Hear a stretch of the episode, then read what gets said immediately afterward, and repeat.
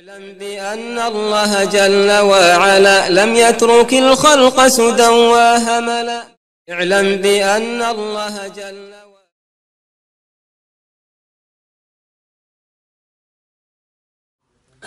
بسم الله الحمد لله الصلاة والسلام على رسول الله استعين بالله لا حول ولا قوة إلا بالله. اللهم لا سهل إلا ما جعلته سهلا وأنت تجعل الحزن إذا شئت سهلا. اللهم أرنا الحق حقا وارزقنا اتباعه وأرنا الباطل باطلا وارزقنا اجتنابه. ولا تجعل الحق ملتبسا علينا فنضل. اللهم آت نفوسنا تقواها وزكها أنت خير من زكاها أنت وليها ومولاها برحمتك يا أرحم الراحمين. ربنا لا تزغ قلوبنا بعد إذ هديتنا وهب لنا من لدنك رحمة إنك أنت الوهاب. اللهم اجعلنا هداة مهتدين غير ضالين ولا مضلين. يا أكرم الأكرمين نعوذ بالله من همزات الشياطين ونعوذ بك ربي أن يحضرون. اللهم يسر ولا تعسر. اللهم بارك وتمن بالخير. أما بعد Sva hvala i zahvala pripadaju samo Allahu, savršenom gospodaru svih svjetova. On svu hvalu zbog svoje savršenosti i svake potpune bezmahane osobine zaslužuje. On svaku zahvalu zaslužuje jer je savršen šerijat objavio i savršene sudbine svakome propisao, jer savršen ne griješi. Pa ono što ti je propisano, tako je trebalo da bude i ono što nas je zaobišlo, niti nas može zadesiti, niti nas je trebalo zadesiti. Pa hvalu, pa Allahu zahvalijemo i na dobru i na iskušenju. Od njeg pomoć tražimo, jer naše srce ne može kucnuti niti oko trepnut bez njegove subhanahove wa ta'ala dozvole i upravljanja. Od njega oprost tražimo jer svakodnevno mnogo Allahu subhanahu wa ta'ala i znanja ili neznanja, svjesno ili nesvjesno griješimo. Od njeg uputu tražimo jer je to najveća blagodat i svrha života na ovom svijetu. I koga Allah subhanahu wa ta'ala uputi na pravi put, tome nema zablude ni nalogu, i vječno će sretan u džennetu biti na ahiretu. Ako ga Allah subhanahu wa ta'ala pravedno znajući da za upute nije u zabludi ostavi, tome nećeš naći ni pomagača, ni nekoga da mu oprosti, ni nekoga da mu uputi, ni nekoga da mu se smiluje, ni nekoga da ga u džennetu uvede, niti od džehennema spasi. Zato, nadajući se Allahovoj milosti i nagradi od njega, strahujući od njegove kazne, i srđbe, radeći po njegovom subhanahu wa ta'ala zadovoljstvu, svjedočimo da bismo se spasili, riječi tevhida, da nema drugog Boga sem Allaha, jedini je nema sudruga, samo je on savršen, samo on savršeno i u potpunosti svim gospodari, samo on smije i mora da se ibadetom obožava i da se svaki ibadet samo njemu upućuje. I da je Muhammed sallallahu alaihi wa sallam Allahov rob. I nema udjela s njim ni u upravljanju, ni u odlučivanju, određivanju, ni u džennet, ni u džehennem uvođenju. Ali od svih robova najbolji primjer vjernicima u robovanju i da je on sallallahu alaihi ve seneme, njegov poslanik i vjerovjesnik posljednji i od svih poslanika i vjerovjesnika najbolji kojim je Allah subhanahu wa ta'ala upotpunio ovu vjeru i nije ostavio nama, niti nam je dopustio da je mi novotarijemo upotpunijemo. A zatim, došli smo do 64. poglavlja u ovoj knjizi. Poglavlja o jednoj bitnoj i velikoj temi. O raširenom grijehu od davnina. O velikoj opasnosti i ono je treće u nizu poglavlja o zakletvama. Prije dva poglavlja govorili smo o tome kako je vjernik obavezan i od Allaha obavezan da čuva zakletvu na ona četiri načina o kojima smo pričali. Prošli put je bilo govora o ugovorima i zakletvama među narodima, grupacijama, ljudima i tako dalje. Pa je Allah subhanahu wa ta'ala obavezao vjernike i u teškoći, i u miru i u ratu, i kad su pojedinci, i kad su grupice, i kad su slabi, i kad su države, da poštuju ugovore i da čuvaju Allahov hator i hator njegove vjere i ugled njegove vjere i da ne dovede se u situaciju da u zlopotrebe za dunjalog iskoriste ili omalovaže Allahovo subhanahu wa ta'ala ime. Treće poglavlje govori o zaklinjanju Allaha, preklinjanju Allaha ili zaklinjanju u ime Allaha. Prije toga govorit ćemo ili spomenut ću ono što je bitno, a to je da je Allah subhanahu wa ta'ala znajući ljudsku prirodu i da čovjek može da slaže ili istinu kaže i da može da, i ne mora da mu se vjeruje kad govori, a kod mu'mina je osnova da istinu govori i tako treba i mora da bude, ali nisu svi mu'mini i nisu svi dovoljno jakog imana, pa je Allah subhanahu wa ta'ala propisao ljudima nešto što se zove zakletva i ograničio je na onu koja koristi. Pa smo govorili, i reći ću ponovno, da je propisano ljudima da se zakunu u potrebi ili nuždi. I da zaklinjanje mora biti samo Allahom subhanahu wa ta'ala. Jer je zakljetva spominjanje ime nekoga koga veličaš i ko zna ono što je u tebi kad pričaš i koji je u stanju da te kazni ako prekršiš. I to samo Allah subhanahu wa ta'ala može i to samo njemu dolikuje. Zato se ne smije u šarijetu zaklinjati ni ocem, ni majkom, ni, neč, ni, ni djecom, ni ničim drugom. I zato je zaklinjanje nekim samo Allaha subhanahu wa ta'ala širk koji je osnovi mali, ne izvodi izvjere, a može biti s odno osjećajima i nije to osobi veliki koji izvodi izvjeri. Ako bi neko zaista digao osobu pri zakliti na stepen Allaha subhanahu wa ta'ala. Također,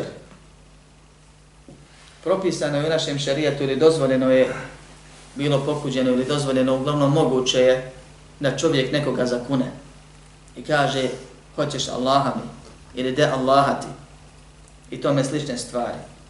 I propisano je Allahom šerijatu s obzirom da su tri kategorije ljudi onaj koji je ispod tebe a to su tvoji potomci. Onaj koji je u tvom nivou, to su braće muslimani, jarani, komšije i ostali. I onaj koji je iznad tebe naređen ti je, šerijat, nadređen ti je šerijatski, kao vladar i neko. Pa je propisano vjerniku da čuva zakljetu svoju i svoga brata muslimana. Tako što ako te neko zakune, pohvalno ti je u najmanju ruku da se trudiš da on ne prekrši, da uradiš ono čime te zakleo. osim ako je u tome šteta za tebe.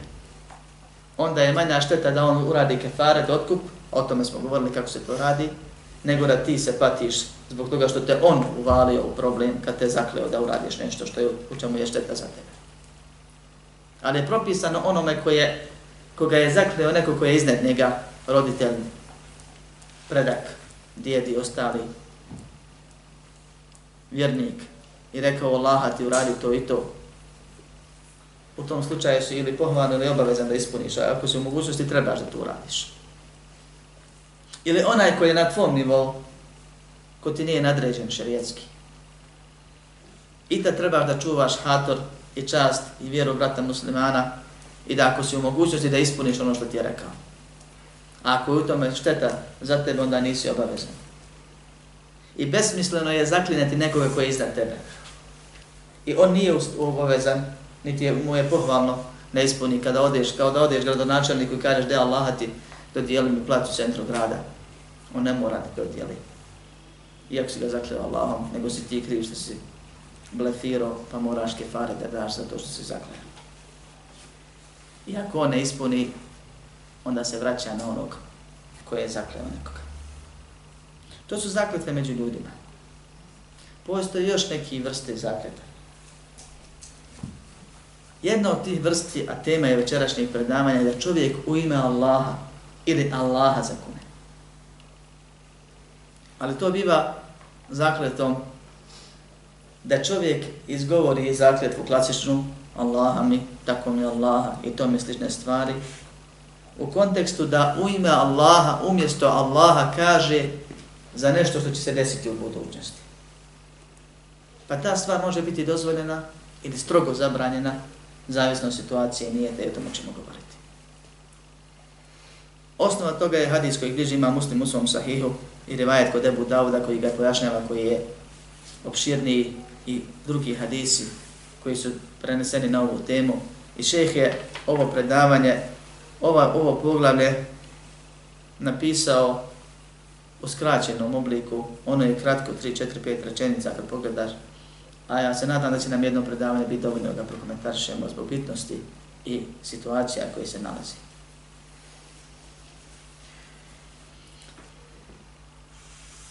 Čovjek može doći u situaciju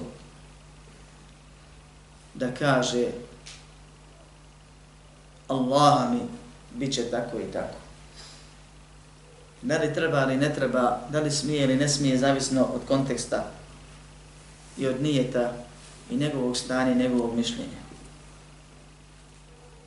Kaže od Džunduba ibn Abdullaha radijallahu anhu se prenosi da je poslanik sallallahu aleyhi ve sallam rekao Kala ređulun rekao je čovjek Wallahi la jagfiru Allahu ni fulan Allaha mi Allah neće oprostiti to mi tamo. Pa se kaže, pa je rekao Allah uzvišeni, men del ledi je ta'alla anejte, Allah agfira li funan. Ko je taj ko se u moje ime zaklenje da neće oprostiti to i to? Ovo je skraćena verzija hadisa. Inni kad gafertu lehu wa ahbektu amene. Ja sam mu oprostio, a tvoja sam dijela poništio. Prenosi Ravija u drugom rivajetu, kaže, ušao sam u mesčid, pa me jedan starac dozvao i rekao, o ti, pa ga pozvao po njegovo mjesto, dakle dolazi, nemoj sebi dozvoliti i prenesi svom narodu da ne govore Allaha mi Allah neće oprostiti tom i tom. Ili da ne govore svoje braći Allaha mi Allah ti neće oprostiti. Pa sam ga upitao, ko si ti? Pa je rekao, ja sam Ebu Hurere. A zatim je ispričao da je čuo od poslanika sallallahu aleyhi ve sallame da su u Benu Israilu bila dva brata. Pobožan i griješe. Koji su bili prisni. Pa je pobožnjak stalno savjetovao grešnika da ne griješi. I upozoravao ga na taj grijeh koji čini. I on je stalno nastavljao i ustrajavao na svom grijehu. Radi se o grijehu, ne o kufru. Bili su vjernici, ali pri jednom bio veliki grijeh. A drugi je bio pobožan. Dakle, iznad prosjeka. Po količini i ne i po kakvoći. I kvalitetu. Pa jednog dana ovaj pobožnjak ponovno vidio svoga brata da čini grije. Pa mu je rekao,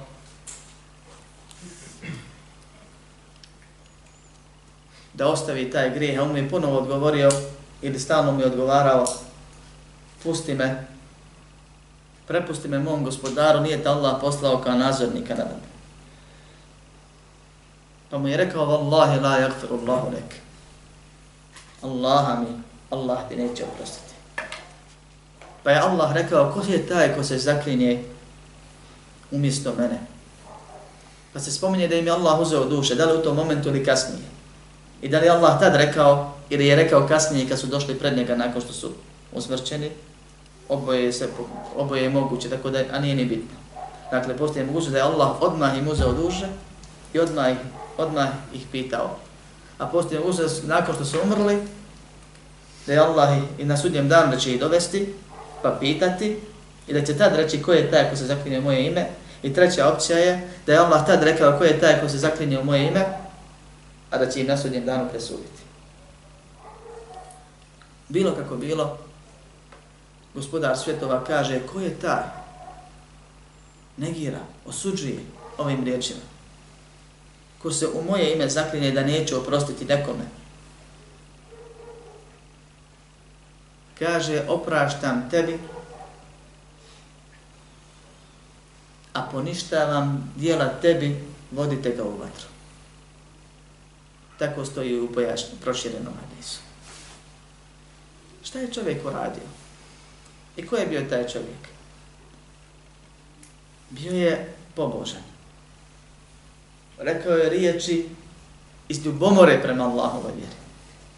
A to što se rasrdio i što mu je dosadilo da gleda brata u grijehu, kako uporno čini grijeh. Pa se malo uzdigao, kao što su spominje komentatori. Pa je pomislio da on kod Allaha ima nekakav ugled ili nešto.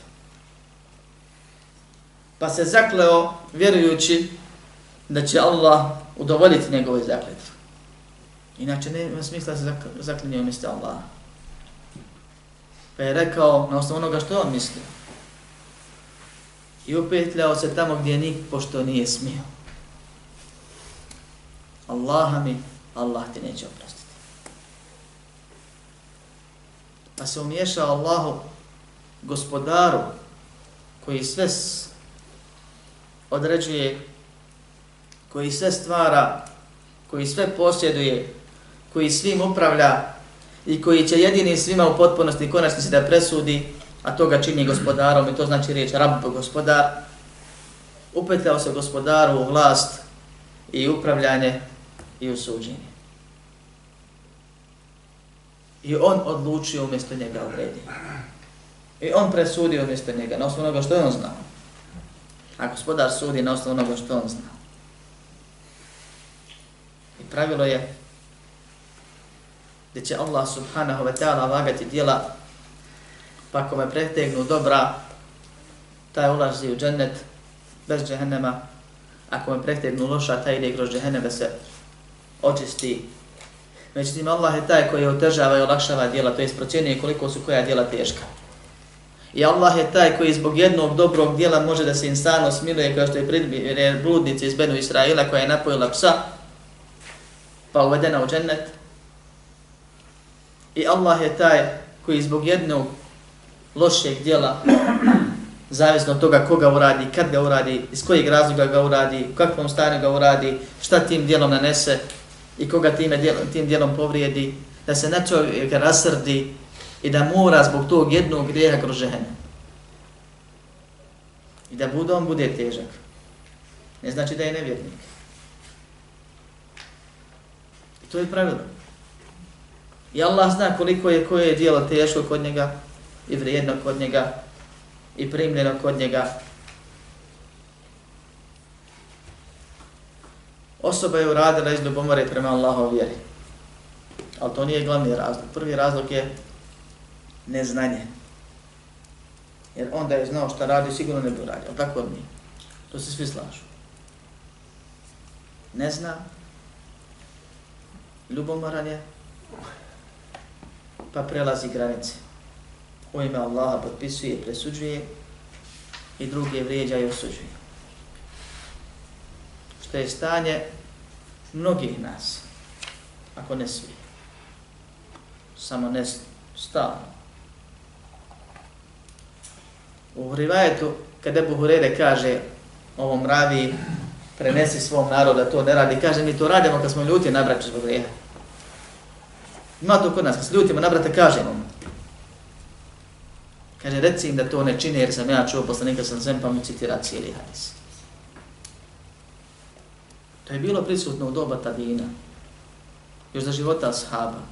I prisutno je danas da se miskin, radi toga što ga je Allah odabrao, pa je na izgled bodi od drugih i radi dijela vjernika, uzoholi, uzdigne, umisli da je bolji od onih kojima još nije došla uput. Ili kojima je došla uputa manja nego njemu. Na osnovu njegove procjene, a on samo o čovjeku zna vanštinu i ništa više. A mi znamo da ima čine ubjeđenja riječi i djela. I da su djela srca vrednija kod Allaha od djela tijela. I da čovjek shodno onoga što je u njegovom srcu biva jak ili slab. I da ono što je na dijelima pojačava se shodno onome što je u srcu. Pa dvojica dođu u džamiju, klanjaju namaz isti za istim imamom, u isto vrijeme se pregibaju i ispravljaju. Jedan dobije mnogo se vapa, drugi dobije malo ili nimalo se vapa. Ili čak ima grijeha na osnovu onoga što je u njegovom srcu. Da li on se pretvara, prikazuje drugima, pa ima grijeh. Ili razmišlja o dunjalku, nije uopšte skrušen, ili je malo skrušen, ili je ekstra skrušen i ponizan. I Allahu zahvalan što ga je posadio i odabrao među toliko hiljada stanovnika da on baš bude u to vrijeme na tom mjestu. Pa se time pojačava nagrada kod Allaha subhanahu wa ta'ala i kvalitet samog djela. Sjećam se jednom izreke šeha Jusufa Barčija rahimahullah kad kaže Abid je pogrdan naziv za čovjeka, Abid ili pobožnjak, je pogrdan naziv za čovjeka koji obožava Allaha bez znanja. Pa ne, to malo bilo smiješno i čudno i neobično, mislite smo da se šali. Ali kroz mnoštvo šarijatskih tekstova ne iđeš upravo na ovo rješenje. I ovaj rezultat. Sjećate se onoga koji je upitan, kojega je ubica, koji je ubio 99 ljudi, upitao ima vam za mene oprosta. Ko je bio? Pobožnjak. Šta je rekao? Nema. Jel pogodio? Nije. Što? Zato što nije znao. Šta je bio rezultat? Izgubio glavu. Plus grije učinio prije glave. Jer rekao neistinu. Dao je fetvu bez znanja, koja ga koštala glave plus grijeha. Ovaj primjer i još mnogo primjera ima. Koji govori prije svega o opasnosti govora o Allahu subhanahu ta'ala bez znanja. Zatim, opasnosti lošeg mišljenja o Allahu subhanahu ta'ala. Zatim, o opasnosti uplitane u Allahu Zatim, o opasnosti uzdizane nad drugim Allahovim robovima. Da ti misliš da si bolji. Zato što si vanštinom od njega bolji. A ne znaš šta je u njegovom srcu. A ne znaš je li ispravno i kvalitetno ono što je u tvom srcu. I koliko je jako i da li je od Allaha, kod Allaha primljeno. Ili imaju nekakve prepreke. I ono što znaš da imaš pri sebi od straha, nade, ljubavi i ostali, ne znaš koliko je primljeno. A dopustiš sebi da vrijeđaš Allahove robove umjesto da se brinješ o sebi. I da u ime Allaha određuješ i osuđuješ i presuđuješ i govoriš. I ovo je zabranjeno stanje. Dva su uzroka. Jedno je dijelo i teške su posljedice. Neznanje plus previsoko mišljenje osobi, uzdizanje, umišljenost zbog ibadeta koje gradiš, su uzroci. Dijelo je da kažeš nešto što niko pošto ne smiješ reći. I da druge time povrijediš. A prije svega Allaha, gospodara sveta, jer u njegovo ime govoriš. Bilo se zakuneš ili ne zakuneš, sve jedne. Da kažeš čovjeku neće njemu Allah prostiti. Ili neće njega Allah nikad uputiti. I ne nešto tome slično. Zato što ga vidiš u posebnom stanju a posljedice su, kao što kaže, njemu sam oprostio, a tvoja sam dijela poništio. U nema se razilazi da li je ovdje dijelo ili dijela. I po pravilima arapskog jezika, shodno kontekstu i tumačenju i pravilima, radi se o dijelima, ne o dijelu. Allah najbolje zna. Jer se čovjek umisli do te mjere, kažu da je mislio da on kad kaže, Allah će mu se pokoriti. On je toliko ugledan kod Allaha. I da čovjek ovakvim riječima, da se zaklinje ili tvrdi i drugima obećava ono što samo Allahu pripada, ili prijeti sve jedno je, da u ovakvim situacijama može da izgubi totalno te vide, da izađe iz vjeri. Jer kufru čini da se sa Allahom poredi. Umiješamo se i u vlast i u sud. Ili može da učini grijeh veliki, težak, koji ima u sebi elemente nenamjernog širka, ove stvari, sve sadrže u sebi. Rekao što je rekao. Pa da mu Allah zbog toga opros, o, o, poništi to dijelo zbog kojeg se uzdigao, možda cijeli život čovjek postoji davo dok post, na primjer. To je velika žrtva. Put voljeti. Svaki drugi dan postojiš cijeli život. I onda kaže šta mi ti imaš priče, ko sam slušao čovjeka da kaže, ne znaš za post, osim za Ramazan. I njegov post ga uzdigo i on se uzoholio i druge ponižava zato što radi Allahom farz. Nije grešan ko ne posti na filmu. Ali grešan ko ga ibadet uzdigne, makar bio tevhid. Uzdigne u smislu, ne uzdigne kod Allaha ugled, nego da, da se on umisli. I zato je Olema govorila, grije koji me slomi, iskrši Allahu vrati, draži mi je nego ibadet koji me učini umišljenje. I koliko puta Allah roba iskuša sa grijesima koji ne dolikuju njemu. Bilo da je pobožan ili učen ili u već godinama uvjeri i tako dalje. I Allah ga iskuša sa nečim što drugi ne rade. Koji su po nekim parametrima slabiji od njega. Iz milosti prema njemu. Da ga za zemlju spusti. Da se Allahu vraća. To je da Allah i blagodate. Ibn Kajim spomnije da nekad u iskušenja bivaju u vidu grijeha i da taj grijeh ljude kori za čovjeka pa se on kaje, pa se on vraća, pa ono što radi od ibadeta, on ne dozvoljava da se time uzdigne, uvijek se sjeća onog svog belaja, ne sve slabosti. Inače ne bi, možda bi se umislio zbog onoga što ima, pa bi mislio da je bolji od drugih. Pa taj grijeh bujiva blagodat više struka. I zato su učenjaci govorili, to je istina, da ljudi znaju da naši grijeci smrde, ljudi bi bježali od njih ne znači da su oni grešni od grešnika. Nego prvo da su njima njihovi grijesi teški. Drugo, da možda zaista imaju neke grijehe koje običan musliman ne radi. A on iskuša njim. I lomi ga, i muči ga, i boji se, i strahuje. I traži oprosta, i kaje se, i plače, i moli. I poveća i bare da mu bilo oprošteno, jer ne može da se kutariše. Pa kad se sve sabere, on puno više koristi ima od tog samog grijeha, koji je najpreći da, se, da bude oprošten ako je u tom kontekstu došao i prema njemu se tako rob obhodi. Sključite.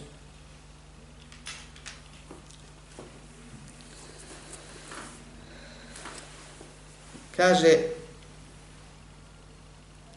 oprostio sam ti, oprostio sam njemu a poništio sam tvoje dijelo ili dijela. Ako uzmemo tumačenje da je to dijelo, u drugom rad kaže vodite ga u vatru, onda je to ono dijelo koje nije ono veće od tevhida. Nije ono samo posebno moglo prevagnuti na vagi svojom teškoćom. Nego je to od onih dijela koje srde Allaha subhanahu wa ta'ala za koje Allah se nasrdi pa se nikad ne odljuti dok čovjek ne odgori. Pa po tom tumačenju moguće je da čovjek bude kažnjen vatrom zbog grijeha. Ne mora mu se sve poništiti. Kao što dio drugih učenjaka kaže sve mu je poništeno pa je morao ići u vatru. Iako je jedno dijelo, nema kolizije između tog jednog dijela i suda da ide u vatru, jer čovjek može da rasrdi svog gospodara riječima ili dijelima da mora zbog njih da odgori. I tome svjedoči hadis koji kasnije spomenje i predaje. Čovjek smije i mora da zaklinje Allahom. Kad se zaklinje? Čovjek ne smije ni pošto se zaklinje nekim sem Allah. Čovjek može da zakune nekoga Allahom, pa bi taj trebao koji mogućnost da ispuni to, ako ne onda ovaj mora da ispuni kefaret. Čovjek ne smije da se umjesto Allaha zaklinje ako je povod tome uzdizanje umišljenost, neznanje i neke druge stvari. I postoji jedna stvar kad čovjek može i smije na osnovu mnoštva hadisa Muhammeda sallallahu da kaže ove riječi, ali u potpuno drugom kontekstu. A to je da čovjek iz lijepog mišljenja o Allahu, ubijeđen u Allahovo obećanje u nadi da će ga Allah pomoći ili dati nešto od onoga što je hajr i što treba. Iz navike, kada je već ranije bio u takvim situacijama, Allah ga uvijek pomagao. Jer radi je hajr. Da kaže, radi Allaha sam krenuo, Allah će mi pomoći. Ili Allaha mi bit ću pomognut. I Allaha mi bit ćemo spašeni. I Allaha mi uspjećemo. I to je budućnost. Ali nije prvo sud o ljudima. Nije razlog što se on umislio da on bolji od drugoga. Nego je lijepo mišljenje o Allahu i oslanac na Allaha subhanahu wa ta'ala i ubjeđenje u istinitost Allahovi obećanja. Dolazi poslanik sallallahu anehi veseleme ili dolaze ljudi i tuže poslaniku sallallahu anehi veseleme tetko Denesa ibn Malika. Zato što je razbila zub iščupala, udarila ensarijsku sluškinju. I ovi traže svoje pravo. I Enes nudi da im plati u ime svoje tetke, da im plati odštetu. Oni kažu ne, hoćemo propis. A dozvoljeno jedno i drugo. Šta hoće? Zub za zub, da se čupa zub.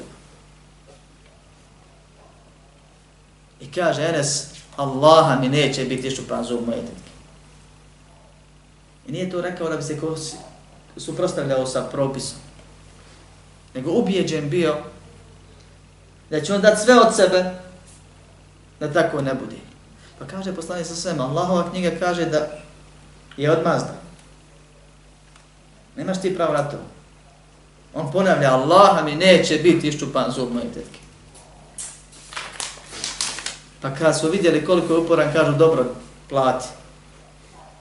Pa je platio. Pa kaže poslanik sallallahu aleyhi ve selleme, ima Allahovi robova koji kad bi se zakljeli umjesto Allaha, Allah bi im ispunio. Kao što mi muslimani, ne ovo nije poređen sa Allahom, nego samo da razumijete znači ispunio, kad, ja, kad te rob zakune, brat zakune, pa ti uradiš da, da njemu udovoliš, Allah bi njima zbog nekog ugleda koji oni imaju kod Allaha, zbog ibadeta iskrenih, ispravnih, brojnih i tajnih, Allah bi im udovolio, Ispunio. Ali taj kad se zakune tako i kad kaže će biti tako i kad je ubijeđen u nešto pa krene i oslani se na Allaha pa se desi onako kako je zamislio, taj nije umislio sebi da nešto bolji. Nego kod sebe imao čvrste temelje ove vjere. Ljubav prema Allahu, strah od njega, nadu, oslonac, kako treba, već je živio tim životom. I Allah subhanahu wa ta'ala da u drugom hadisu se spominje koliko je ili postoje prašnjavi, raščupani, poderani, ljudi koje drugi tjeraju sa svojih vrata, ne primaju ih u kuću, koji kad bi se u ime Allaha zaknili, Allah bi im ispunio. Kad bi Allaha zamolili, Allah bi im kišu spustio. I slične stvari. Kod ljudi je totalno neugledan, ne, neće ga ukući. Te pocijepan, te poderan, te prašnjav, te prljav, te ne znam nija šta. Stid ga da s tim prođe ulicom. Ne želi ga ukuću. A vjernik je. Ako da Allah je na tom ugledu, kad bi rekao bit će, Allah bi dao da bude. I tad je dozvoljena ova stvar, jer je nagon za tim dijelom lijepo mišljenje o Allahu subhanahu wa ta'ala. I postoje ljudi, kao što je Beraj ibn Marek, za koji je poslanio sam rekao da je on jedan od tih, koji je u određenoj bitci tražio od Allaha pa je bilo onako kako je tražio. I prenosi se od Selefa, i to postoji dan danas, da postoje ljudi koji dove prije sabaha i dobiju posle sabaha, koji krene i zamisli pa mu Allah da da ostvari, jer se na Allaha osloni kako treba, koji u ključnim momentima kaže bit će tako i Allah da da bude tako, ne zato što on upravlja, što se Allah njemu pokorava, nego zato što mu Allah subhanahu wa ta'ala zbog njegovog lijepog mišljenja i tevekula i ibadeta i vjere udovodi i, njime, i time pomogne Allahu vjeru.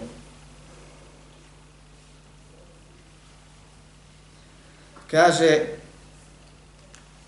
ko je taj ko se zaklinje mene da neću oprostiti nekome? Ja mu opraštam, a tvoje dijelo ništim ili dijelo poništavam. Kažu islamski učenjaci, postoje situacije kad belaj koji ti dođe od drugih bude veća blagodat nego tvoji badet.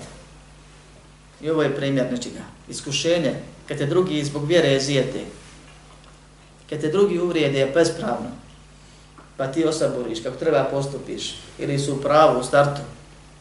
Ovaj čovjek nije bio u pravu u osnovi, radio je grije, ali imao druge i badete i druge stvari. Dok se ovaj pobožnjak upetlja tamo gdje mu nije mjesto, ali kad je pobožnjak rekao Allaha mi nećete oprostiti, možda misli stanje tog, te osobe koje je to rečeno. I koliko ga je to povredilo, to je vjera u pitanju. Jer kod vjernika ti sam dunjalo kod je tražiti, nego ti dio vjere odi. I zbog te uvrede, i tog poniženja, i tog uzdizanja, i te prijetnje i razočarenja, ucvilio ga u vjerskom smislu. Allah subhanahu wa ta'ala zbog tog iskušenja njemu prašta njegove grijehe. I onaj ko bude radi vjere, iskušaj najpreći je da budemo uprošteno. A može biti radi dnjaluka ili nečega drugoga.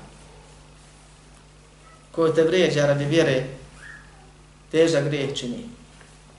والذين يؤذون المؤمنين والمؤمنات بغير ما اكتسبوا فقد احتملوا بهتانا واثما مبينا oni koji vrijeđaju vjernike i vjernice za nešto što nisu radili tovare na sebe klevetu i veliki grije težak grije šta si ti uradio što vjeru praktikuješ šta si ti uradio što si uvjeri iz vjerskih razloga pogriješio Šta je daja kriv bratu muslimanu koji je se juče vratio vjeri? Često nakon što se daja vratio sa desetogodišnjeg ili manje ili više iskušenja na putu traženja znanja, pa ga ovaj koji je popio cisternu alkohola, povalio toliko i toliko žena, promijenio toliko i toliko drugih poroka, vrijeđa zbog grijeha koji učini. A da ne kažemo greške u ime Allaha. Ili možda je u pravu. Pa dođe i usudi se insan koji još ne zna je jel mu pokajanje primljeno, koji još uvijek teži i bori se da se ne vrati svojim porocima, da priča i piše protiv insana koji imaju više godina učenja ili možda i badeta nego on islama. I da oni sude među njima. I da oni brane jedan drugog svog favorita među dajema. A braneći jednog, kritikuju drugog. I da u ima Allaha govore ko je u pravo, ko nije. Sve u ima Allaha. Niko neće reći da čini grije. Niko neće priznat da navija. I ovaj je rekao ime Allaha. I razdutio se radi Allaha. Sto puta pozivam, sto puta se grijehu vraćaš. Dosta je više. Nema za takve oprosta. To je njegovo mišljenje bilo. Nije on mislio da će on njemu presuditi na ahiretu. Nego je mislio da mu Allah neće oprostiti. I onaj ko je skrenuo u takfirđije, hvanije, sufije, šije, ove, one i vrijeđa su netlije, i svog neznanja. Misli da može ako ne zna radi šta hoće doći pred Boga i reći ja ne znam. A zna izmisliti propis. Pa na osnovu njega mjeriti vagat ljude. I kritikovat. I govori da su zalutali. I misli da će doći pred Allaha čist rav. Reći ne znam, nisam znao. Nisam ja učen. Nek se odmjeri prema ovih hadisa. Ja ne smijem reći ništa. Ni hoće ni neće. Jer ovaj hadis je od dokaza da neznanje nije uvijek opravdanje. nego i neznanje uzrok problema. I da onaj ko ne zna treba da šuti i da zna da ne zna. Da ne bi svoju vjeru uništio, a drugog u džennet poguro. A to nikome nije cilj.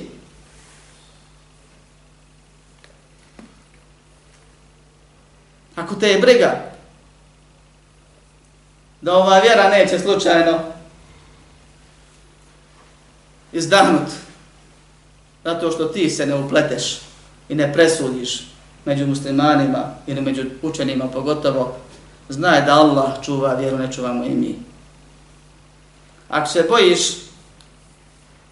da će tvoj iman oslabit i da ćeš izdat nekoga koga nisu obavezan da podržavaš, da braniš, ne tebe Allah obavezao. Ako ima kakav ajet hadis podušte, neće prihvatiti. Da Allah vas obavezao da se petljate među daje i da im dajete svoje sevape, recite mi da znam. Ali jeste Allah rekao, kad se nađu ljudi koji su možda skrenuli, a možda i nisu, Ja, ejuhan ladina, amenu, O, vi koji vjerujete. A enfusekum. Brinite se o sebi. La yadurrukum men dalle. Neće vam navoditi onaj koji je skrenuo. Indi inih. Ako ste vi na pravom putu. Brini se o sebi. I brini se o tome da naučiš šta je pravi put. I brini se o tome da hodiš pravim putem i okani se ljudi ako hoćeš da tvoja djela budu sačuvane. Allah je zabranio gibet. Zikruke ahake bima jakre. Da spomeneš svoga brata po onome što mu je mrsko. Da mu kažeš ne valja ti cuko, loš je čuvar. Ona je lovački. Nije nikakav. I to je gibet ako njemu smeta. I to je grije. I to je ružno ko da jedeš meso umrlog brata. A kamo li da se petljaš u nečiju vjeru i da kažeš tebi će Allah oprostiti, tebi neće. Ili da svog neznanja kažeš ti su pravo, ti nisi. La ilaha ila Allah. Pet dana čovjeku treba da se vrati na stvari, da vidi ko je u pravu oko nekog razilaženja sporednog, vjerskog. Svi iznosi argumente, treba to razvagati, treba vidjeti ko je šta, kako, zašto. Pet sekundi treba nekome da šeruje kad vidi da njegov favorit podijeli kritiku protiv drugog. I manje od toga. A to što on ne vaga. On sudi. On navija. On mudi za onih u koga je zaljubljen iz ne šerijatskih poriva. Jer to šerijat Allah ne podržava.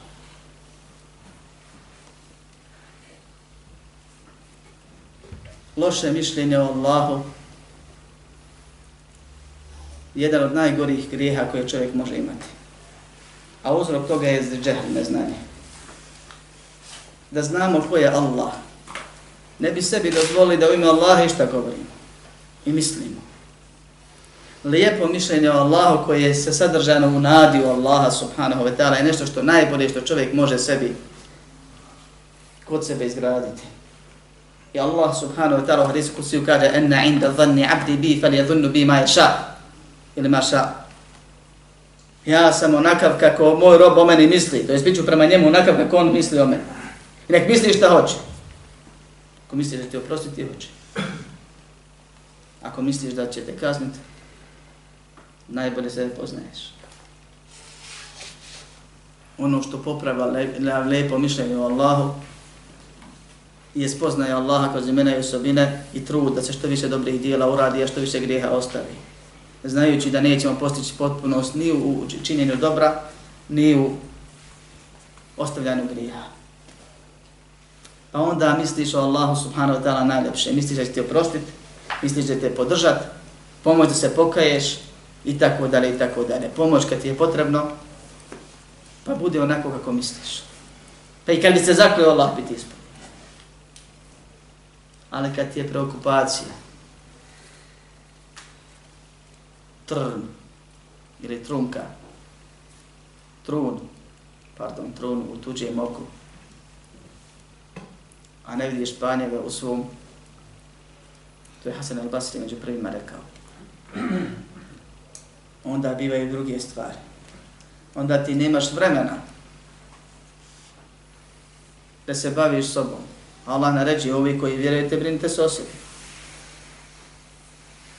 Jer si preokupiran, puno oko tebe ljudi ima, svako ima trunja. I više od toga. Pa se desi da čovjek pomisli loše o muslimanu, pa kad se uvrijedi, ubijedi da je on loš, onda prelazi na drugu fazu, malo o ljudima. Onda misli šta će Allah s njim uraditi. Kuda je žijeli život tog čovjeka, taj grije. Ili ta vrsta grija. Treba insan uz drugih ibadeta. Mogućih ili stvarnih koje ti vidiš. Kao da nema tamo vaga na sudnjem danu. I to najpreciznija moguća koja mjeri i količinu i težinu. Iskrenost i jačinu ti svih srčanih goriva koja pumpaju nagradu i baretu praktičnom tjelesnom ili jezičkom. Wallahi, wallahi, wallahi, da se brinemo o svojoj veri kako treba, ne bi čuli za neke stvari osim nakon hefturije. Osim ako ti izbode oči onako izletite. Ne bi sebi dostalo da mislimo o ljudima osim najbolji. Da mrzimo grije ogovaranja, da ne idem na veći. Kako ga treba mrziti. Ne bi dozvolili da neko pred nama ogovara. Jer Allah subhanahu wa ta'ala kad spominje mrs, meso mrtvog brata svoga, šta ti hoće da kaže? Mi svi shvatamo, ili naše stanje kada je pitano govaranje, maksimum našeg stanja je da se opiremo da ne ogovorimo. Ja bih volio da je drugačije. Znači, kad se pred tobom ogovara, i ti imaš nekakav nagon da i ti malo doliješ, pa ono, sustegneš se jedva, ali se sustežeš. I ako je malo jači iman, kažeš nemojte ljudi pričati. A da mi ogovaranje doživljavamo kao leš, sirovi ili pečen, sve je, pržen, kuhan, zamisli kako hoćeš. Onda ne bismo bili zadovoljni da se u našoj porciji nađe ikad niti bih mogao jesti najbolje moguće jelo, ako se na mom sjelo jede lešina. Rekao bih mu da pokad ti izađu, pusti skloni da Ne mogu živjeti, a kamo mu ne jeste od tebe. Jedeš insana mrtvog. Tako insan kad bude mrzio grehe, pogotovo one grehe koji koštaju tebe, teško je postiti u junu a daš mjesec možda posta čovjeku za, za jedno sjelo. Kad budeš shvatio šta je grijeh i koga srdiš grijehom, u sljedećem pogledu će doći slično stvar. Kad postane se kaže, teško tebi, znaš li ti ko je Allah? Kad budeš shvatio koga obožavaš i koliko je veliki onaj kome griješiš, a nekoliko je veliki ili mali sam grije, drugačije će naš život biti onda ćemo osjetiti slast u ibaditima. Pa će nam biti drago da ih zadržimo za sebe, a žao da ih dijelimo drugima. I bit će nam ružno i teško da griješimo prema gospodaru svjetova. Koliko znam svojih šehova i profesora koji su plakali kad čitaju komentaršu ovaj hadis. Vjernik se za sebe boji. Boji se da ne pogriješi. Boji se da dijela ne izgubi. Boji se da Allaha ne isprovocira. Sa Allahom nema šale. Sa Allahom se rob, to je jedna od koristi ovog hadisa, mora da obhodi samo kao rob. Nikako drugačije. Ti si rob. Živi kao rob, budi rob, ostani rob, umri kao rob. Ne diži se na stepen rabba nikad. Ima ko će ljudima da sudi.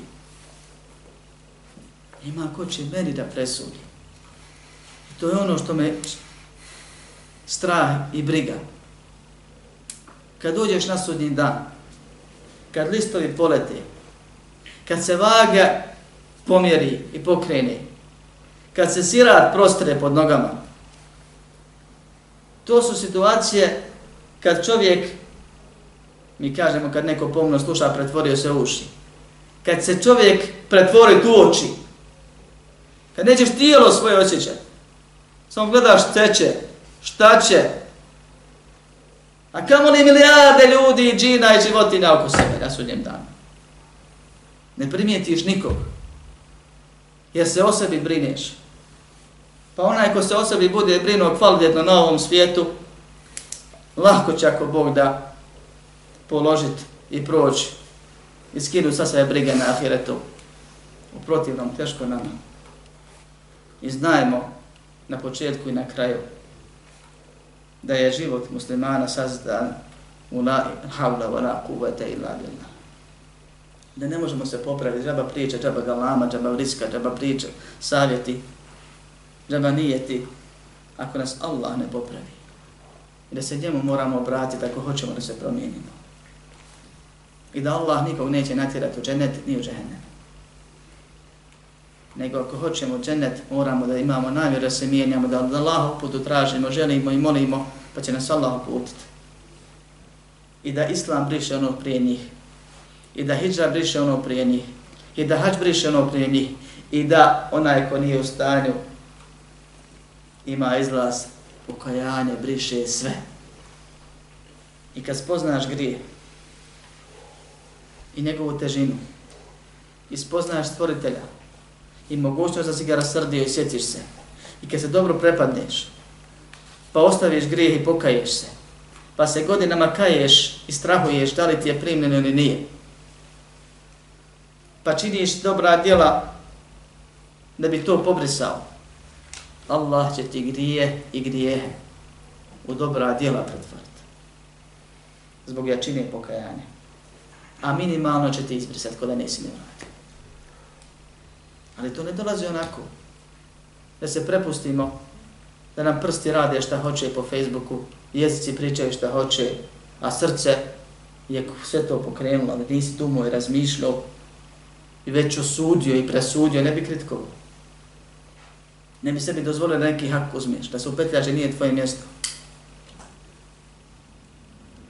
Pa molim Allaha subhanahu wa ta'ala da nas popravi i da nas pomogne i da nas uputi na ono što će nam koristiti na ovom, na onom svijetu i da nam se smiluje na dunjalku prije ahireta i da nas usmrti samo onako kako je on sad, s nama zadovoljan da nas uvede u džene, sačuva džene, džene kazne da nam sačuva naša dobra djela zbog sebe smo ih radili Amin. Walhamdulillahi Rabbil Alamin.